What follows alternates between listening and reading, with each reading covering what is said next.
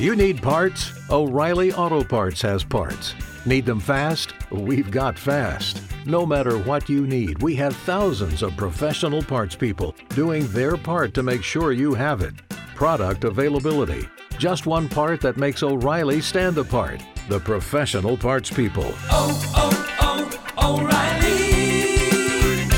O'Reilly Auto Parts.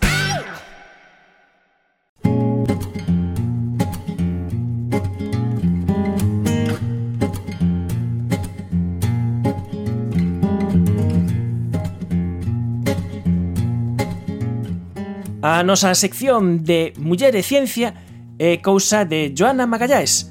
Joana, moi boas noites. Hola, boa noite, Manuel. Esta fin de semana entregáronse os premios Prismas que organiza os museos científicos coruñeses. Eu vin no Twitter algunha foto na que ti estabas cunha das gañadoras. É verdade. E hoxe temos a sorte de a ter connosco.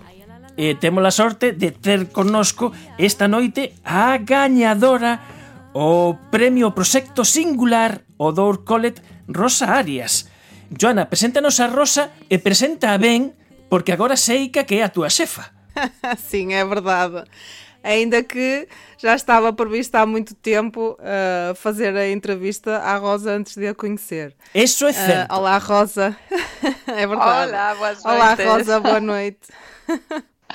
Boas noites. Pois nada, é um prazer ter uh, connosco a, a Rosa Arias.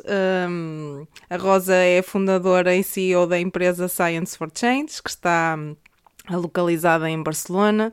Trabalham fundamentalmente com, uh, com projetos de, de ciência cidadã e um deles que é do, do, dos os quais através uh, se formou a empresa é, uh, está relacionado com o Odor Collect, que foi precisamente o que ganhou o prémio a projeto singular. Uh, Rosa, queres nos contar un pouquinho como começou a historia do Odor Collect? Uy, sí, pero entonces teño que andar moi atrás no tempo, pero bueno, eh, a historia comeza porque eu son eh, enxeñeira química experta en olores. Entonces as metodologías eh, tradicionais non teñen en conta a perspectiva do receptor dos, destes olores, da contaminación odorífera, eh, eh, porque sempre se mide nas industrias emisoras, nas chimeneas, etc. Pero non se sabe o efecto real que esta exposición continua a olores ambientais ten nas persoas. Entón, eu pensei que para cubrir este burato de, de información sería moi ben eh, ter unha aplicación que neste caso é o Dorcolec, para que cualquier persoa que, que cheire, basicamente, algo, eh, pois poida eh, mapear eh, en tempo real o que está percibindo. Eso é o que se pode facer con o Dorcolec.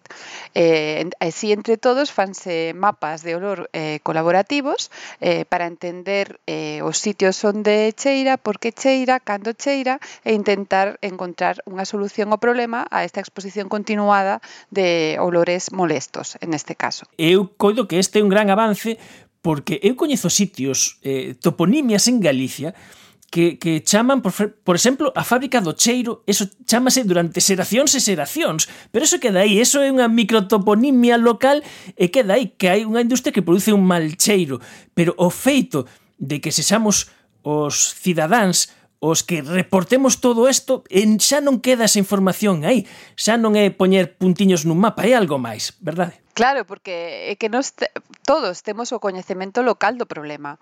É unha maneira única de conseguir estos datos que de outra maneira é imposible, porque non podes estar medindo sempre eh, os sensores, por exemplo, se si utilizas sensores químicos eh, para detectar eh, pois metano, por exemplo, ou ácido sulfídrico, este tipo de moléculas que, que cheiran, eh, ao final non, non se corresponden ca percepción real que nos temos con noso sentido do olfato olfato. Entonces o, o, o nariz, eh, de feito, o mellor sensor que existe no mercado para medir olores, non? E todos temos nariz, todos temos un teléfono móvil, normalmente na mau, eh, entonces é moi fácil eh, mapear. Cando se percibe o olor, pois simplemente sacas o teléfono e incluyes unha nova observación. E desta maneira tamén conseguimos identificar, sobre todo nas comunidades afectadas con, con xente que entrenamos para diferenciar ben os tipos de olor que existen, etc., e mapearlos, pois podemos identificar as situacións de máximo impacto. Porque si tú solo te quedas eh, a punto de vista do emisor, eh, podes por eh, medidas correctoras, por exemplo, para disminuir este impacto, pero pode ser que a túa medida técnica non se corresponda co impacto maior percibido por a ciudadanía, por os veciños e os veciños que están cheirando esos olores todo o tempo. E igual, pois, eh, pos algunha medida correctora que ao final non repercute en que haya menos molestia. E desta maneira sí que sabemos a molestia real cando ocurre para poder actuar sobre ela. E soame que tamén para facer isto facedes unhas catas de olores, verdade? Como como entrenan as persoas? Pois mira, nas, eh, nos sitios afectados de, de olores a xente ten moi clarísimo, recoñece, vamos, eh, todos os olores que están presentes nese sitio eh, a legua, a distancia, ¿no? eles están convivindo con eles a diario. O que é máis difícil é poñeles, eh, poñerles eh, nome. Eh, entonces nós o que facemos é eh, facer, eh, por exemplo, paseos sensoriales ca xente, eh, camiñar hacia as actividades emisoras, identificar os diferentes tipos de olores por o camiño, digamos, e poñer poñerles eh, nome eh, para que mapeen correctamente en Odor Collect ou acordar o tipo como como clasificar ese olor dentro da, da aplicación de maneira que ao final os datos sean bastante coherentes. Entonces, facemos eso para recoñecer os tipos, eh, que é a primeira eh, calidade do olor que mapeamos, o tipo de olor, a que cheira. Eh, despois, eh, hacemos, facemos tamén entrenamentos para eh, identificar a intensidade, que eso quere decir como de forte ou, ou débil é un unha olor, entonces eles tamén teñen unha escala de 1 ao 6, que é unha escala estandarizada que tamén se usa en metodoloxías tradicionais eh, para medir olores e si podemos comparar, de maneira que eles pois, eh, dicen, eso indica un pouco o nivel de molestia que están percebendo nese momento relacionado con esa observación. E por último, eles indican tamén o tono hedónico, que eso quere decir como de agradable ou desagradable é un olor. E con eso xa tes un novo punto no mapa, e tú sempre traballamos con datos abertos, entonces eh, solo entrando á aplicación xa podes ver eh, todas as observacións que puxeron os teus veciños e veciñas, podes contribuir, podes comentar, podes darlle un like, incluso, se queres, eh, a, a añadir as túas propias observacións para co-crear entre todos estes mapas e entender eh, eh, as, esas situacións de máximo impacto.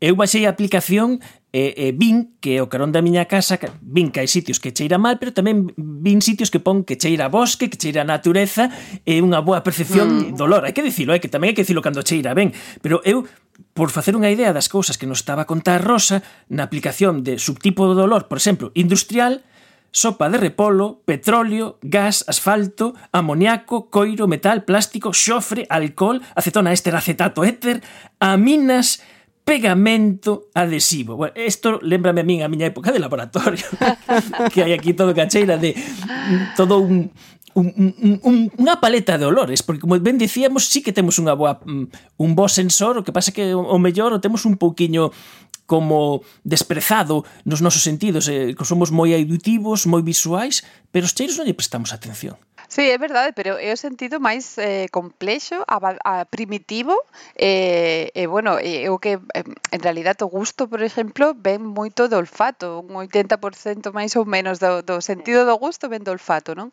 E, ademais, o noso sentido de defensa. Eh, a súa misión é protexernos de sustancias que poden dañar a nosa saúde.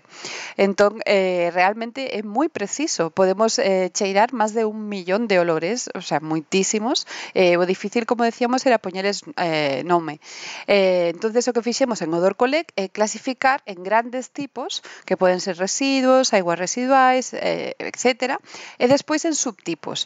Eso xa é máis difícil eh, de, de identificar, entonces requiere un pouco de, de entrenamento por parte da, da xente. Eh, entón, aí é cando facemos estes entrenamentos específicos para decir, pois vale, pois cheira a, neste caso a pegamento ou a sopa de repolo ou entonces acordamos a ca xente como mapear ese olor concreto na aplicación. Pero se non o sabes, sempre podes decir non o sei e mapeas igualmente.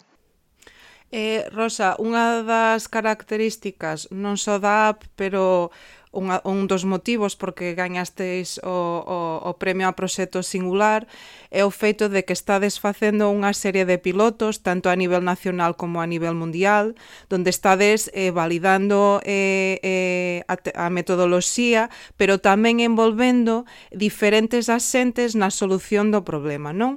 E, e, e, e, e é o que isto que chamas de unha metodoloxía tamén moi inclusiva. Queres falarnos un pouco de iso? Vale, mira, nos fixemos eh, 10 pilotos para validar a metodoloxía en países europeos. En España empezamos en Barcelona eh, e tamén en Chile, en, en Uganda. En Chile traballamos nunha comunidade moi rural, por exemplo, que non tiñan acceso a tecnoloxía nin nada, o sea, moi diferente. En Uganda tamén traballamos con nenos en escolas de Uganda e con mulleres nos mercados mercados de Uganda, eh, máis relacionado ca xestión de residuos no mercado. Entón, nós o que facemos é adaptar a, as, as eh, estrategias de, de participación cidadá ao contexto social eh, que hai no sitio en concreto, eh, a, a, tamén a problemática que, que queres abordar. Entón, nunes casos usamos directamente a app, noutros casos tamén podemos usar eh, diarios de olor para recoller as observacións que despois poden subirse a apps e, por exemplo, non teñen acceso á tecnoloxía.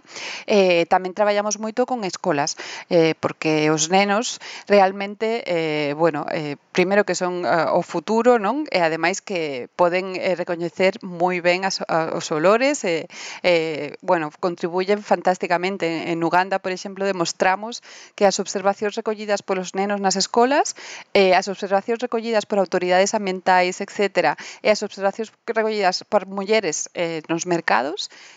eran as mismas ao final. O sea, que todo o problema estaba percibido da mesma maneira por os diferentes axentes.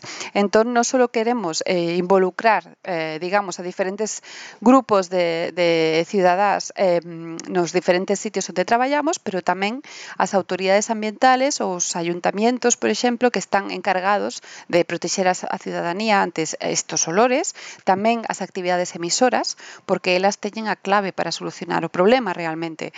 Eh, o problema eh, de difícil solución normalmente porque os olores son moi invasivos e eh, tamén suele ser costoso eh, pues, controlalos, pero a, a vez eh, cos estas novas serie de datos que construyen cos propios cidadáns tes unha información súper importante para entender realmente onde atacar. Eh, moitas veces facendo planes de control de olor ou, ou mm, movendo as túas operacións industriais ou certas actividades que emiten olores a horas que non molestas ou, ou combinando un pouco eh, en base aos datos, en base ás evidencias recollidas por a xente, entonces podes mellorar moito o problema sin necesidade de, de invertir moito. Entón, sempre nos queremos traballar con este modelo da cuádruple hélice que lle chamamos, eh, metendo a todos os actores no proceso, para intentar co-crear en base ás evidencias producidas pola ciudadanía as solucións que reduzcan o impacto e melloren a calidade de vida. Vos conseguisteis inserir e artellar ao redor da aplicación todo un proxecto europeo eh, Dinosis, non sei como se pronuncia, sí. no que eh, a, a base precisamente era, apli era aplicación Odor Collect que xa debemos de ter todos no noso peto, no noso móvil, eu xa fixen, e que, ademais, é esa parte que dis de, de ir eso, máis aló e de quitar datos, quitar información e, e activar ese, esa, esa participación e que non sexa eso, non un mero registro, senón un xeito de solucionar problemas. Exacto, porque primeiro pos en evidencia o que está pasando, eh, tamén é unha maneira de empoderar a ciudadanía para reclamar accións ou solucións eh, para empezar. E ademais que o, o tema da contaminación por olor é eh, a segunda causa de queixa medioambiental despois do ruido, pero o que pasa que o ruido é moi fácil de medir, porque hai sonómetros, non? Con sonómetro vais, mides, e podes regular moi facilmente se cumples ou non cumples ca regulación. E, os olores son moito máis difíciles de medir en consecuencia, non hai regulación. O cando hai regulación eh, é heteroxénea ou, ou a veces nin siquiera ten eh, base científica. Entón, nos o que queremos tamén é, é promover eh, estas novas legislacións que protexan a cidadanía que padece este tipo de contaminación. Eso estuvimos facendo tamén no proxecto europeo. Eh, moitas acciones de, de, deste de tipo para promover novas eh, regulacións neste sentido. E eso non somente estades traballando eh, a nivel español, pero tamén tamén tivestes un evento no, no Parlamento Europeo. Sí, a verdade é que foi super interesante porque eh, levamos tamén parte de representación da ciudadanía que participou eh, nos pilotos, eh, había tamén eh, xente da Comisión Europea, do Comité das Rexios, eh, moita xente eh, escuitando representantes da industria, tamén de residuos, etc. E, e chiraron, e chiraron os nosos representantes tamén, que puxeron proba de chirar, porque eso impacta, seguro eso... que deixa impronta aí. Exactamente, sí, o que pasa é que estábamos por Zoom, o sea que era difícil, si non podíamos oh, haber levado, levado un pouco de mostras de, de olor, non? Pero sí que puxemos sobre a mesa a necesidade de crear un marco regulatorio a nivel europeo para protexer a ciudadanía, porque sí que hai países como Alemania ou eh, Francia, Holanda, que sí que teñen regulación específica, pero no caso de España, por exemplo, non. Eh, son as, as, eh, os ayuntamientos os que teñen as competencias e poden eh, sacar ordenanzas municipais para protexerse a, a súa ciudadanía, pero eh, eso, moitas veces non saben nin por onde empezar. E hai moi poucos ayuntamientos hoxendía que teñan este tipo de ordenanzas en, en España. Por iso que ainda temos que traballar moito neste sentido. Eu, cando, Joana, eh, é certo, eh, falamos de entrevistar a, a Rosa Arias eh, moito antes de que esa fose se convertise na túa xefa, eh, xa falábamos das cousas interesantes que fai, que fan, estas son unha parte delas, e eu claro, quedeime coa copla de enxeñeira química eh, catalana, eh, barcelonesa pero escoitando esta, esta mau e este galego catalana galega, logo. Catalana galega, sí, de dúas aldeas moi pequenas cerca de Berín nacida en Barcelona, pero con relación coa familia en Berín. Exactamente, bueno, se si eu Galicia está no meu corazón, non? o sea, non podo vivir sin non vir, volver a Galicia, sí. Este vai ser xa unha pregunta de, de, de anuncio. E a que cheira Berín? A que cheira Berín? Pois mira, a, a lavanda, eh, a, a pino tamén, bueno, ahora non porque están queimados, por desgracia, pero cheiraba pino no seu día eh, moi ben. Tamén un pouco a esterco de vaca, obviamente, porque temos algunha granxa, pero bueno, a min encantame o olor a Galicia, tamén cheira fume de, de chimenea para min. Ai, santa muller que me escoitas, escoito o vento que trae Parabéns por este premio o proxecto singular da edición de 2021 dos Prismas organizado polos Museos Científicos Coruñeses ao Dor Collet de Rosarias. Rosa, moitísimas grazas por nos atender, neste caso, desde Barcelona. Moitas gracias a vos, un placer. Moi boas noites, Joana, e ata a seguinte edición de Mulleres e Ciencia. Boa noite.